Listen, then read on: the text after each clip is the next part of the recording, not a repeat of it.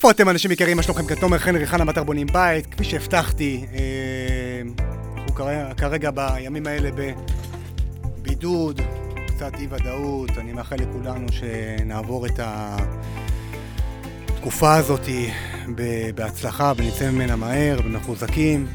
אז אה, כפי שהבטחתי אני מוציא כל יום סרטון אה, לטיפים עם קבלנים ובעלי מקצוע ואני מתחיל קודם כל עם הדבר הראשון שזה אדריכל אה, ואני הולך להתקשר לאייל יוסינג'ר לעשות רעיון, עשרה טיפים בנושא... אה, אה,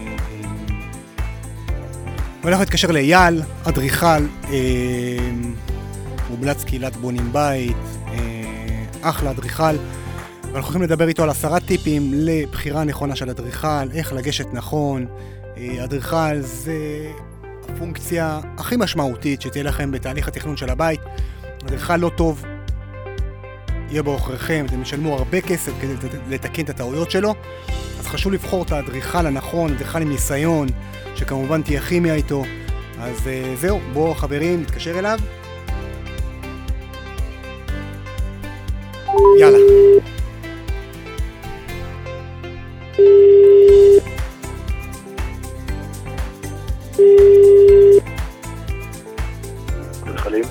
איפה אתה, אייל? מה העניינים? מה המצב? בסדר גמור, מה שלומך? מגניב. במשרד? אני במשרד, כן, כן. יופי, אחלה. אז אה, ככה, עדכנתי אותך שאני מתקשר אליך בקשר לבחירה של אדריכל, לקהילה, אני מתחיל עם סשן של, אה, של רעיונות טלפונים וצילומים מול אה, בעלי מקצוע מומלצים מהקהילה בכלל, של בונים בית, ואנחנו מכירים לא מעט זמן. ו...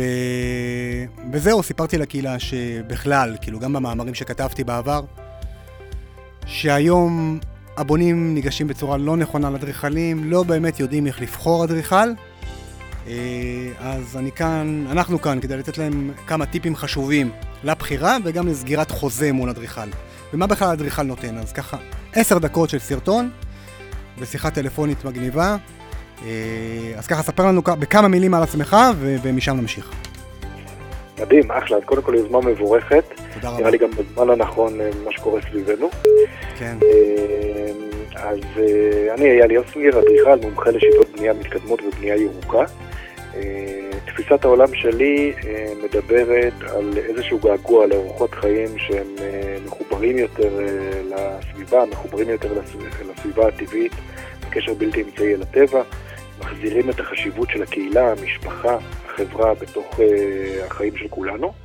Uh, ואני מתכנן בכל רחבי הארץ בתים רבים, רובם ככולם בבנייה מתקדמת, uh, עבור uh, משפחות ששמות דגש על הבריאות, uh, על הנוחות בבית שלהם, על לגמרי, בדגש על פרקטיות. סליחה על הביטוי, אבל אתה לא, אתה לא מהאדריכלים הפלצנים שמעניין אותם אתה יודע, החיצוניות של הבית, אלא יותר הפרקטיות, כמובן שגם חיצוניות זה חשוב. אה, יש לך בתים מדהימים, אני ראיתי, אה, אבל חשובה מאוד הפרקטיות, הבידוד וכולי וכולי. חד משמעית, זה בא ביחד, כלומר האסתטיקה היא נגזרת של הפרקטיקה. כן, לגמרי. הדברים הכי יפים הם גם הדברים הכי נכונים בסופו של נכון. דבר. אז איך היום בונה שניגש לאדריכל, איזה טיפים אתה יכול לתת לו? בוא ניקח ככה עשרה טיפים חשובים לבחירה של אדריכל וסגירה מולו בחוזה, ומה הוא אמור לתת לו. אחלה, אז תראה, קודם כל באמת תכנון זה החלק הכי משמעותי בבניית בית. אני תמיד אומר שאם יש לך שעה לכרות עץ, 50 דקות תשחיל את הגרזן. לא משפט שלי, אבל משפט שאני מאוד אוהב. ואכן הבחירה של אדריכל היא הדבר המשמעותי ביותר בתוצאה הסופית של הבית. אה, אני חושב שקודם כל צריך לבחור אדריכל שתפיסת העולם שלו קרובה לתפיסת העולם שלכם, תפיסת העולם של המזמין, של הלקוח. אה, מה זה אומר? זה אומר מה, אם אני מחפש בית כפרי או מודרני או... אני עוד לא מדבר על סגנון, אני מדבר, אה, אני מדבר יותר על הנושא של הכימיה. כלומר, אוקיי. בסופו של דבר הולכים לעבור תהליך של שנתיים, שנתיים וחצי, לגמרי. שלוש, תהליך מאוד מאוד משמעותי. נכון. אדריכל מלווה אתכם ואת המשפחה באחד הצעדים הכי חשובים בחיים, שהם גם מבחינה כלכלית תוצאה אה, משמעותית מאוד, כמובן מבחינה רגשית. אה, ואני חושב שכבר בפגישה הראשונה צריך להרגיש שבאמת יש כימיה, שאתם ככה זורמים בשיחה, שהדברים אה, נעימים, ושזה מישהו שאתם תוכלו לסמוך עליו, גם ב, בוא נגיד במצבי לחץ, בשלבים פחות נעימים של תהליך הבנייה, ויש כאלה, מישהו שתוכלו לסמוך עליו וללכת איתו קדימה עד הסוף.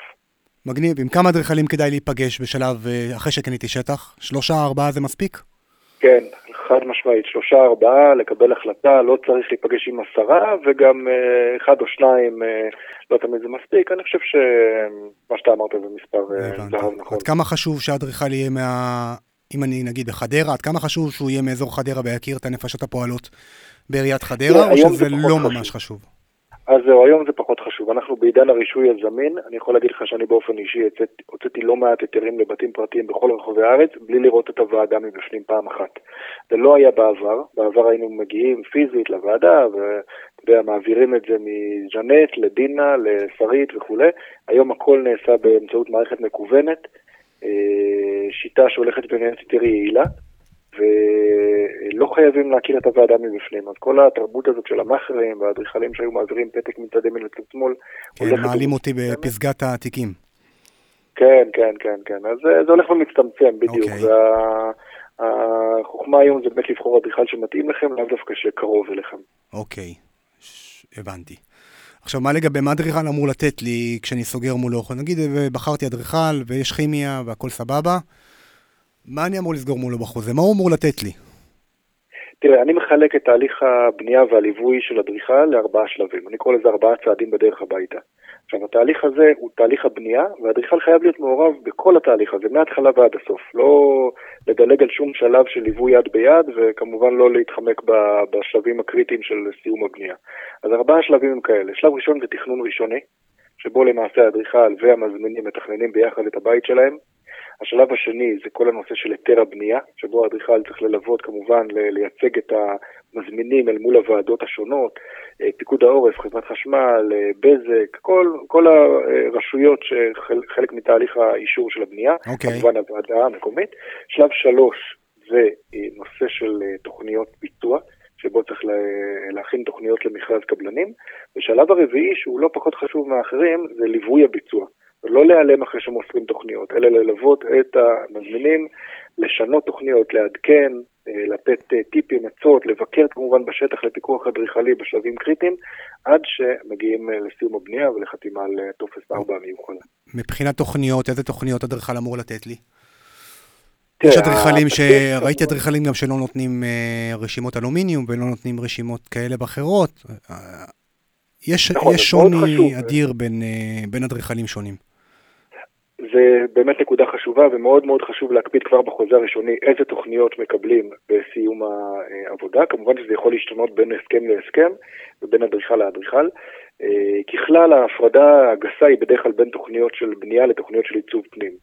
אה, ההמלצה שלי היא לקבל תוכניות לבית שכוללות תוכניות של כל הקומות, חזיתות, חתכים, תוכניות אה, של הממ"ד, רשימת אלומיניום, או בעצם רשימות פרטים, שזה כולל גם אלומיניום, גם אה, נגרות וגם מסגירות לכל הבית.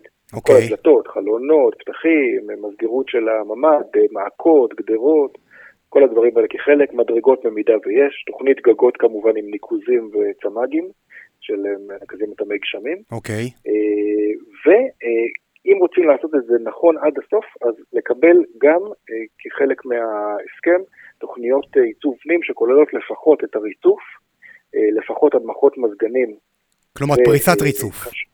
כן, פריסת ריצוף, בדיוק. פריסות של עריכים בחדרים רטובים, וחשמל לאינסטלציה.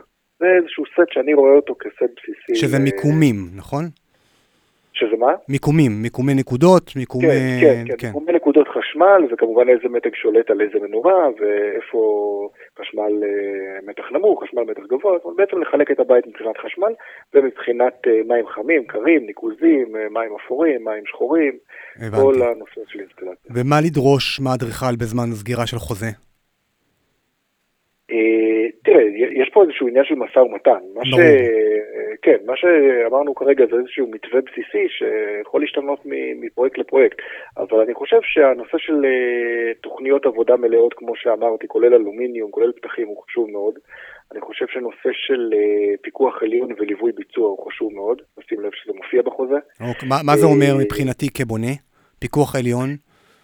פיקוח עליון זה פיקוח אדריכלי, זה אומר שהאדריכל מגיע, ברוב הבתים זה לפחות חמישה ביקורים בשטח. לפחות חמישה, אוקיי.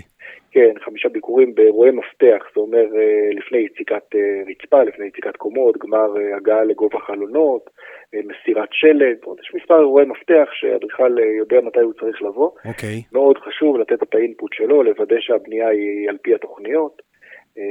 אדריכל בעל ניסיון גם תמיד יכול לתת טיפים ויכול לתת ככה כל מיני דגשים בראייה שלו, בעין שלו, שלא תמיד הקבלן שם לב אליהם ורואה אותם. אוקיי.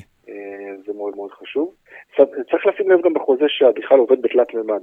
למעשה, קודם כל היום הוועדות השונות דורשות בהיתר ביטוי תלת-ממדי של הבית. וואלה. הרבה פעמים מגיעים לנקודה הזאת, כן, זה די חדש וזה נכנס יותר ויותר לוועדות. אוקיי. וכשמגיעים לנקודה הזאת, אז אם אדריכל לא מוציא את זה מלכתחילה בחוזה, אז הלקוח נדרש לשלם עוד 2,000, 3,000, 4,000 שקל להדמיה. אז מאוד חשוב. עכשיו, העבודה בתלת-ממד היא חשובה גם ללקוח, כי, אתה יודע, רוב האנשים בינינו, שהם רואים תוכנית, זה לא הם ממש... לא באמת יכולים לקרוא דו-ממדי ו... ולהפוך את זה כן, לתלת-ממד לבית. נכון. אז uh, העבודה בתלת-ממד היא היום לדעתי סטנדרט ש... שחייבים לדרוש מהאדריכל, לראות את הבית בתלת-ממד כבר מהסקיצות הראשונות, לחוות אותו, לחוש אותו, אני כבר לא מדבר על דברים כמו שיש לנו, כמו משקפי virtual reality, כן, שאתה יכול כן. כאילו להרגיש אותך עומד בתוך הבית, ולפחות מודל תלת-ממדי בסיסי חייב להיות חלק מהתכנון. הבנתי. מבחינת כמות סקיצות שאני אמור לבקש מאדריכל, האם, האם, תראה, האם, אני- האם זה, זה, זה אותה גברת. בשינוי אדרת, או שהוא צריך לתת לי כמה סקיצות שונות לגמרי? אז אני אגיד לך, אני חושב שלא צריך להגביל במספר סקיצות, לדעתי טעות שהרבה אדריכלים עושים, שאומרים בואו שתיים שלוש סקיצות ובזה גמרנו, אני חושב שכן צריך לפתוח את זה, ועד שהאדם מרגיש שהוא סגור וזה הבית שלו, לא לצאת להיתר, לא להגביל את מספר הסקיצות, אבל אה, כמובן שבסופו של דבר האדריכל קודם כל נותן את הביטוי למה שהוא חושב שמתאים, אחרי שהוא דיבר עם הלקוח, אה, הכיר את המשפחה לעומק, כן, מכיר את השטח, מכיר את האתר, מכיר את החוק ואת ההגבלות, מראה מה הוא חושב שצריך לעשות, ומשם זה פתח לדיון, פתח לדיון ושינויים ב- בהתאם למה שצריך. הבנתי. אבל אותו, נגיד אתה יכול להביא, אם אני ניגש אליך, אתה מביא לי סקיצה אחת, או שאתה מביא לי שתי סקיצות שונות? או שמתחילים מסקיצה, מתחילים מאחת, ואז זורמים לכיוונים שונים. איך, איך, איך כדאי להתחיל ולעבוד מול, אה, בשלב הסקיצות? תראה, אני יכול להגיד לך שזה, אצלי למשל זה מאוד מאוד תלוי בפרויקט. אה, הרבה פעמים אני עוד לפני הסקיצות הראשונות אה, בעצם אה, מציג כמה סכמות מאוד מאוד כלליות שמראות פחות או יותר איך הבית מחולק, איפה האגפים השונים, כמה קומות, כן מרתף, לא מרתף, איך זה יושב על המגרש. ומתוך הסכמות האלה שאפשר לפעמים אפילו להראות שלוש, ארבע, חמש שונות, מתחילים לגבש את השתיים, אה, שתי הסקיצות נגיד הנבחרות. הבנתי. ואותם ממשיכים לפתח עד שמגיעים ל- לרצוי. אוקיי, אה, ונסיים בשלבי תשלום אולי? שלבי תשלום, תראה, אה, זה יכול להשתנות מפרויקט לפרויקט, בדרך כלל מה שנכון לעשות זה שהתשלום הוא לפי, אה, לפי התקדמות הפרויקט. אני בדרך כלל מחלק את זה לארבעה חמישה שלבים, פחות או יותר מה שתיארתי קודם כארבעה צעדים הביתה. אה, שלב ההיתר היום הפך להיות ארוך, אפשר לפצל את זה גם לתיק מידע ואישור אה, אה, בקשה בוועדה. אוקיי. אה, אבל סך הכל הסכום, הסכום אמור להיות אה, מחולק פחות או יותר לארבעה-חמישה שלבים. את רוב הסכום משלמים אה, בארבעה שלבים הראשונים, ובסוף משאירים משהו כמו חמישה אחוזים לשלב של הפיקוח העליון וליווי ביצוע. אוקיי. אה, אחלה. טיפ אחרון לסיום, ככה באמת ל... לבונים שייגשו לאדריכל כמו שצריך, ויסגרו אותו כמו שצריך, ויתחילו את התהליך כמו שצריך. אה, הניסיון שלך באמת משהו שאתה חווה. כן, כן, כן. הייתי מחפש מישהו שקשוב אלינו, ששואל הרבה שאלות, באמת מתוך עניין, מתוך אכפתיות, אה, שמבין שהוא נותן שירות לאנשים והוא גמיש ולא עקשן, ככה מישהו שבאמת... אה, וזמין. ארוכה. כן. אולי דבר אחרון שגם כדאי לזכור, שמי שהוא זול מדי, זה מאוד מאוד חשוד. כלומר, לגמרי. טוב, לגמרי. מה, כן. מה אגב, אגב העלויות ממוצעות של אדריכלים טובים, בלי עיצוב פנים כרגע אני מדבר, אה, אם אתה מחלק אה, את הארץ לארבעה חלקים, כי יש שוני בין צפון, דרום, מרכז ושרון, שוני אדיר. כן, אתה צודק לגבי השוני, אני חושב שהיום מרכז הארץ, מחיר, אה, אתה יודע, פלוס מינוס ממוצע, אמור לעלות בסביבות ה-50 אלף שקלים לתכנון בית. נדבר על בית, לפחות, כן. אחד. 200 מטר. כן, נגיד, כן. מה אתה אומר? בית של 200 מטר לפחות.